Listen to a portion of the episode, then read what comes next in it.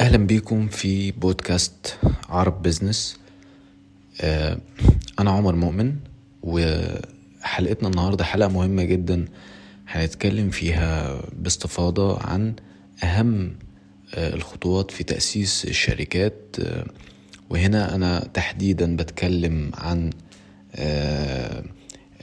الشركات اللي هي ال startup الناس كلها اللي حابة تفتح شركات ويمكن ستارت أب مصطلح ظهر من آه، ست سبع سنين بس وفئة كبيرة جدا من الناس آه، بدأت بالفعل إن هي تفتح مشاريع وشركات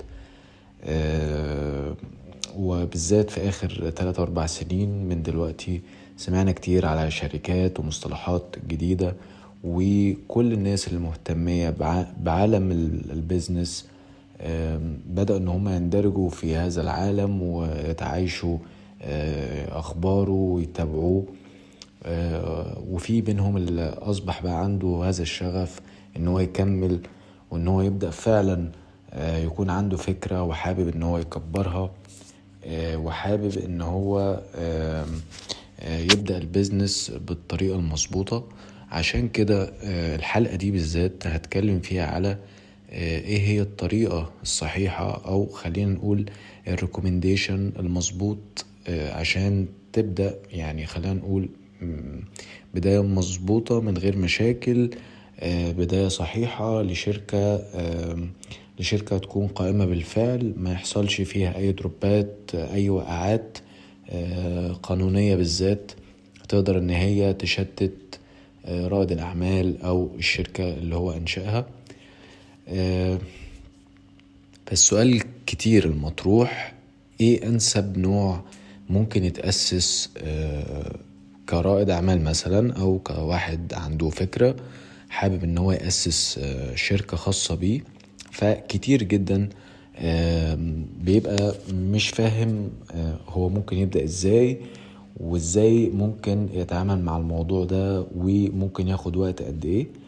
آه، هتكلم في الحلقة دي خلينا أقول بشكل أو خلينا أقول الزتونة في الموضوع وبحيث إن إحنا نقدر نستخلص الفايدة آه، والناس تقدر تستفاد وتطلع بفاليو حقيقي آه، يقدر يفيدها في المستقبل.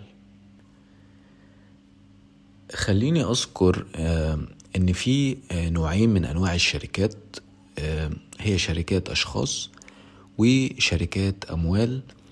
آه، شركات الأشخاص ليها ثلاث أنواع اللي هي المنشأة الفردية آه، وشركة تضامن وشركة آه، توصية بسيطة. وشركات الأموال بتبدأ اللي هي شركة الشخص الواحد شركة ذات مسؤولية محدودة وشركات المساهمة. في الغالب آه، كتير مننا بيبقى مش فاهم آه، إيه الفرق ما بينهم وايه انسب حاجة آه، من خلالها إن أنا أقدر أفتح البيزنس بتاعي. فهتكلم من وجهة نظر شخصية وأنا دايما بحب لما أتكلم يعني كأني أكون مرتاح جدا في الكلام عشان أقدر أطلع أكثر معلومات ليها قيمة حقيقية بناء على تجارب مختلفة و skills بقى لما تعايشنا هذا هذه ال experience على سنوات عديدة.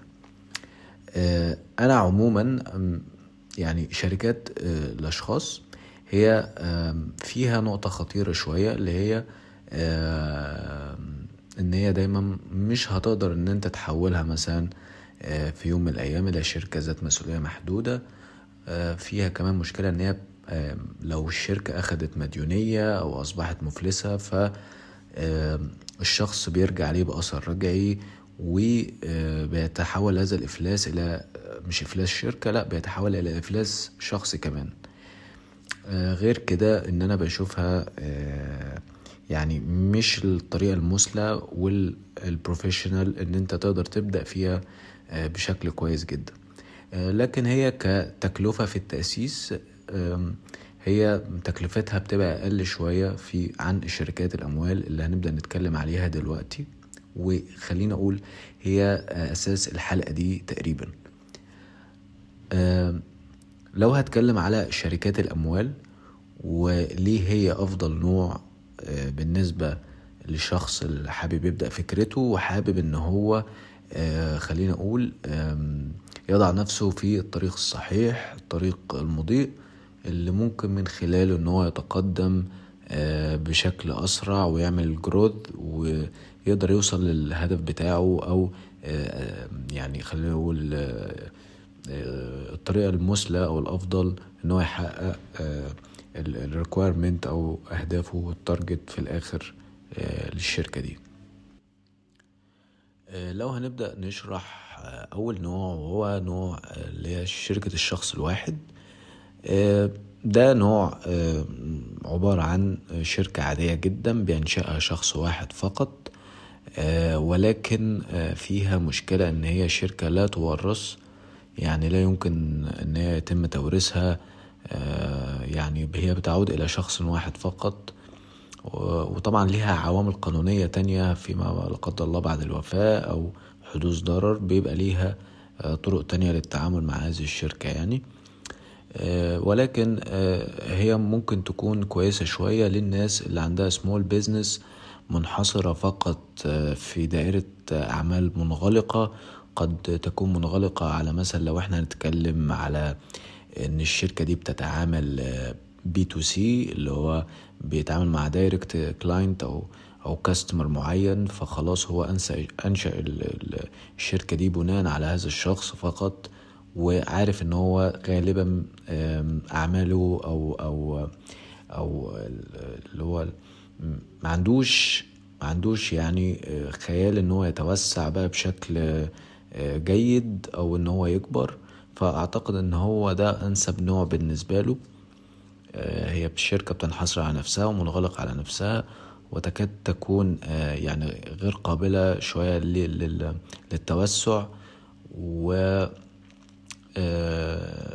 يعني مثلا شخص designer شخص programming شخص بيتعامل مع مورد واحد أو أو الناس اللي بتتعامل B to B أو مورد واحد أو اتنين أو تلاتة. فدائرة أعماله بتبقى حجم أعماله صغير جدا آه، وهو عارف إن هو ممكن ما يكبرش بطريقة ما. فده أنسب نوع بالنسبة له هي شركة آه، الشخص الواحد أو السولو كامبني يعني. آه، لو هنتكلم على النوع التاني من شركات الأموال وهي الشركة ذات المسؤولية المحدودة. وخلينا أقول إن ده طبعا يعني هي الشركة المفضلة لدى الكثيرين يعني اللي هو أكتر آه، أكتر الناس بتفضل هذا النوع من أنواع الشركات آه، لأن هي ليها أكتر من مميزات مميزاتها كتيرة جدا و آه، يعني بتقدر إن أنت تكبر مع الوقت وقد تكون في وقت من الأوقات تتحول إلى شركة مساهمة. الشركة ذات مسؤولية المحدودة طبعا آه، شركة على الأقل بتبدأ من عدد آه، اتنين شركاء وحتى يعني من شريكين إلى حتى خمسين شريك تمام؟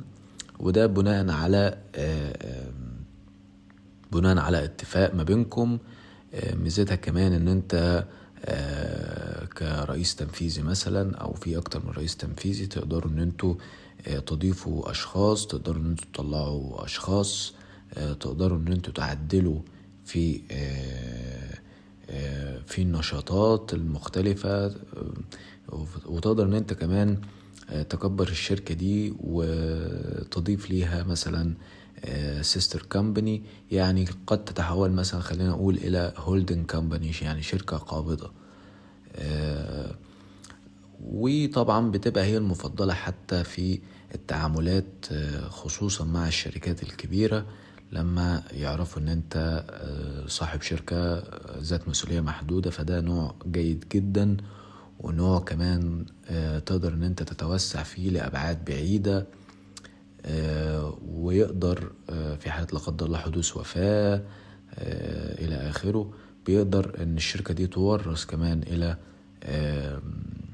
تورث كمان إلى الأشخاص أخرى آه، وهكذا. فهي أفضل نوع من وجهة نظري وبناء على خبرتي للشركات خصوصا الشركات اللي في ال business model بتاعها هي عاملة خطة مثلا لل exit برقم فلاني أو أرقام كبيرة أو حتى لو ما عندهمش خطة إن هم يعملوا exit من السوق.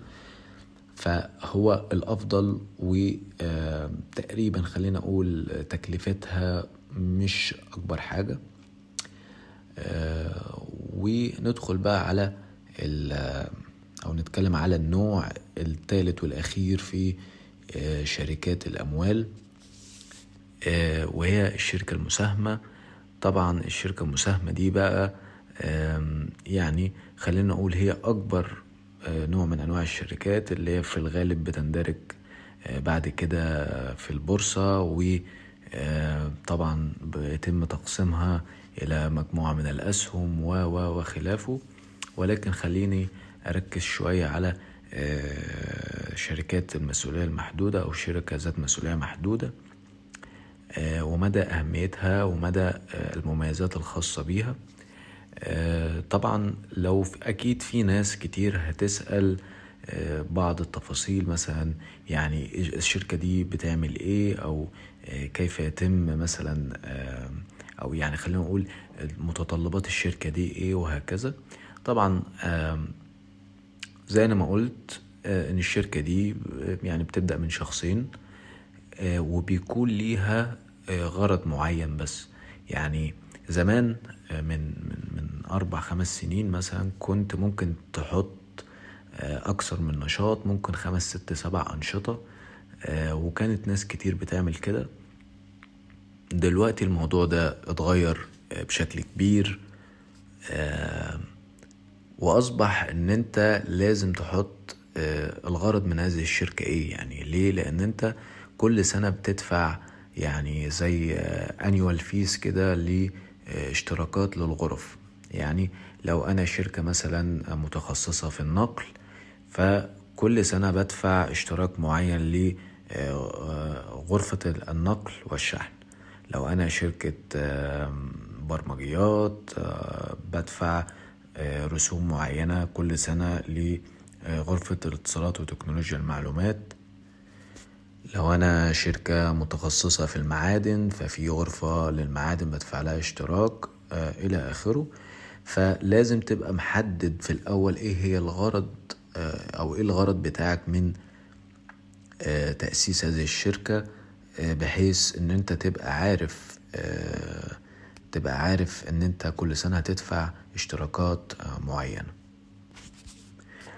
نيجي بقى للسؤال الاهم إزاي أنا أبدأ إن أنا أسس الشركة دي وإزاي إن أنا ممكن يعني يعني أروح فين أجي منين وأروح فين وأعمل إيه يعني. بمعنى صح طبعا في البداية أنت لازم تشوف وده اللي أنا أنصح بيه إن أنت تشوف مكتب محاسبة أو خلينا نقول مكتب تدقيق محاسبي. بتدي بتعمل توكيل لمجموعة من المحاسبين داخل هذا المكتب وبيقدروا إن هم يمشوا في إجراءات التأسيس الخاصة بالشركة بتاعتك. وهدي هنا شوية نصايح مهمة ناس كتير ممكن مش بتتكلم عليها في اختيار المحاسب أو المكتب المحاسبي ده لأن في ناس بتتعامل مع مكاتب وبيكون للأسف كتير عرضة للاستغلال. ليه أنا بتكلم عن النقطة دي؟ لأن معظم الشركات اللي بتنشأ خصوصا الفترة الحالية هي شركات بدائية شركات startup شركات بتبدأ من البذرة يعني اللي هي ما زالت في مرحلة مرحلة التكوين الخاصة بيها. فأنصح كويس جدا إن أنت تشوف أكتر من ريكومنديشن للمكتب ده وتشوف أكتر من شخص تتعامل معاه وكمان تسأل على تسعيرة كل حاجة جوه خدمات المكتب. بمعنى إن أنت هتسأل مثلا على تسعيرة تأسيس أوراق الشركة الخاصة بيك أو إيه هي إجمالي التكلفة تكلفة التأسيس وتكلفة المكتب ودي نقطة مهمة لازم تبقى عارفها. يعني تكلفة التأسيس مثلا هتكلفك X تكلفة المكتب هيكلفك X تمام؟ وكمان مهم جدا تعرف مهم جدا تعرف تكلفة عمل الإقرار الضريبي السنوي المطلوب منك اللي هي بتبقى ضريبة الدخل للشركات الاعتبارية.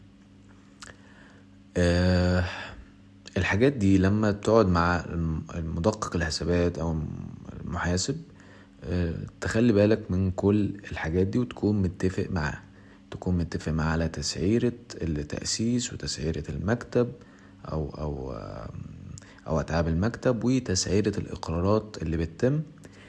ولو الشركة أصبح عندها يعني ديلي ترانزاكشن في تعاملات يومية فكمان يفضل إن أنت تتفق معاهم على رقم أو تعريفة معينة شهريا يتم من خلالها عمل عمل يعني خلينا نقول القيود اليومية للشركة والمعاملات والمعاملات المالية بحيث إن تكون تيجي في آخر السنة تقدر إن أنت تشوف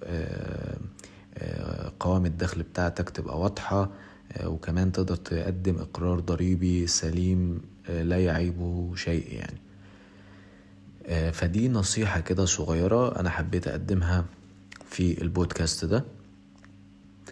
والنقطة الأهم اللي هو المفروض تسأل نفسك مش المفروض تستعجل بشكل كبير على إن أنت تنشئ شركة و وإن أنت يعني يعني أنا شايف إن أنت شوية لازم تاخد وقتك لازم تكون كونت الفكرة أصلا ولازم كمان تكون الفكرة جاهزة للتنفيذ. ليه بقول الكلام ده؟ عشان ما تفتحش الشركة بتاعتك و وتبدأ إن أنت تقعد بالشهور وإن أنت لسه ما بدأتش تعمل ترانزاكشن لسه ما فيش خطة واضحة لسه يعني خلينا نقول رجل ورا رجل قدام وهكذا. فده ما بيكونش ألطف حاجة لأن قد يكون ممكن بعد كده هتتكلف في عملية إيقاف للشركة مثلا إيقاف مؤقت لهذه الشركة أو حتى إيقاف نهائي. لأن أنت استعجلت شوية وبدأت إن أنت تفتح شركة. فهنا هقدم النصيحة إن أنت قبل ما تفتح الشركة بتاعتك لازم تكون جهزت أول حاجة الفكرة بتاعتك أصبحت جاهزة. آآ آآ تكوين الفكرة كمان أصبح جاهز. وتكون عملت جزء من الاختبار بتاع الفكرة دي.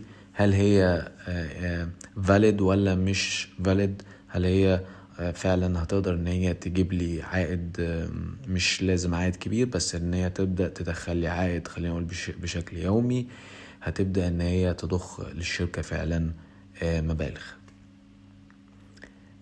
فدي كانت نصيحة طبعا صغيرة أنا حبيت إن أنا أكلم ناس فيها عشان بعد كده ما يتعرضش إن هو يعمل إيقاف مؤقت ويبدأ يعدد في ال business يعدل في ال business model بتاعه ويقوم فاتح تاني وكل عملية بالمناسبة وكل عملية بتعملها هتكلفك يعني سواء لو انت عايز تعدل مثلا تضيف شريك تزيل شريك تغير مكان الشركة تغير الغرض من الشركة تغير اسم الشركة كل هذه الأشياء بتكلف مرة أخرى تكلفة مقاربة جدا لتكلفة التأسيس. ولذلك لازم تكون أنت في البداية عارف أنت عايز تعمل إيه عارف إيه هو الغرض بتاعك عارف آه أنت رايح فين بالظبط وإيه الهدف بتاعك وتسعى ليه بشكل واضح بحيث مفيش أي أمور بعد كده إن هي تعطلك في النص وتوقف آه يعني كيان هذه الشركة أو المسيرة بتاعتك أو الهدف اللي أنت عايز توصل ليه في الآخر. طيب آه في سؤال آه بيقول هل أنا لازم آه أسس شركة ولا ممكن مثلا أشتغل أونلاين؟ بما إن العالم دلوقتي أصبح آه كله أونلاين. فإجابة السؤال ده أنا بقول إن بعد ثلاث أو أربع سنين ستتحول كل شيء إلى أونلاين أصلا وكل شيء هيصبح آه، يعني خلينا نقول متقدم جدا. فلازم مفيش حد هيقدر إن هو يعمل يقدر يشتغل من غير ما يكون عنده شركة. تمام؟ ليه؟ لأن النهاردة أصبحت مثلا منظومة الضرائب وضعت إطار صريح وقانون جديد بيلزم جميع الشركات بإصدار فواتير إلكترونية آه، دون الفواتير الورقية. فأصبح النهاردة إن أنت كمنشأة أو ككيان أو كشركة حابب إن أنت تتعامل مع شركة أخرى حابب إن أنت تتعامل حتى مع B to C هتبقى بعد كده آه، إن هو يجب عليك إصدار فاتورة أو إيصال إلكتروني للعميل بتاعك أو الكيانات اللي أنت بتتعامل معاها. آه، فطبعا سيتحول العالم إلى يعني آه، إلى شكل موثق وشركات وكيانات هتبدأ تندرج في هذا هذا الصرح يعني بشكل سليم وبشكل رسمي. فده كانت الإجابة على السؤال ده. آه، أنا هضع الإيميل الخاص بيا في وصف الحلقة وأي سؤال من أي نوع نقدر نجاوب عليه. ولو عندكم كمان مواضيع آه، مهمة بالنسبة لكم ممكن تكتبوها لينا. آه، أنا عمر مؤمن وده بودكاست عرب بيزنس. شكرا لكم.